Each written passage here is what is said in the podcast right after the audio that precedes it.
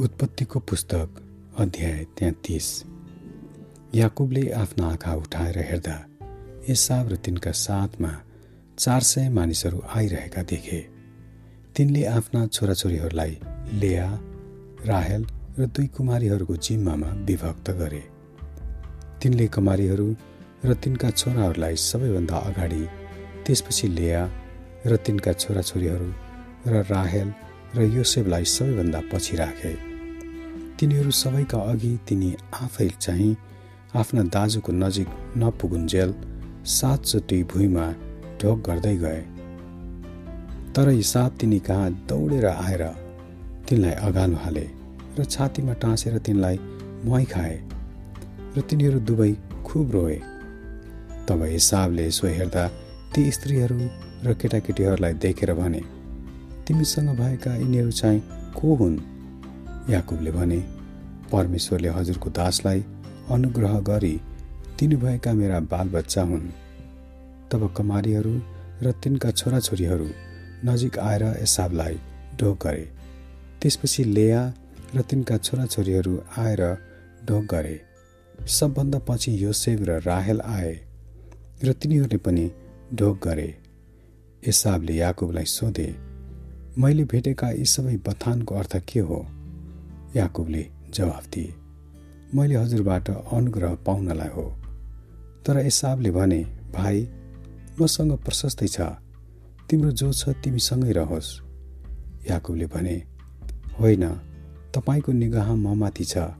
भने कृपा गरी मेरो हातको यो सौगात ग्रहण गर्नुहोस्। किनभने यति ठुलो निगाह देखाएर तपाईँले मलाई स्वागत गर्नुभयो कि साँच्ची नै तपाईँको दर्शन पाउँदा मलाई त परमेश्वरकै दर्शन पाए झैँ लाग्यो। अब बिन्ती छ। तपाईँलाई नै भनेर ल्याएको यो मेरो सौगात ग्रहण गर्नुहोस्।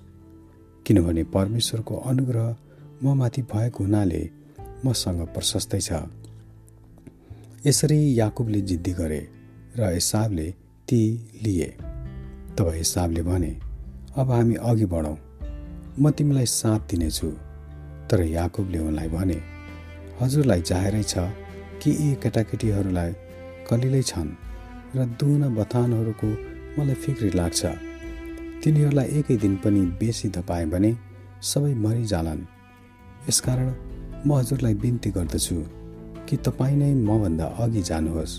म चाहिँ मभन्दा अगाडि गएका गाईबस्तुहरू र यी बालबच्चाहरूको चाल अनुसार हजुर कहाँ शैरमा नाहिम पुगुन्जेल बिस्तार हिँडेर आउनेछु।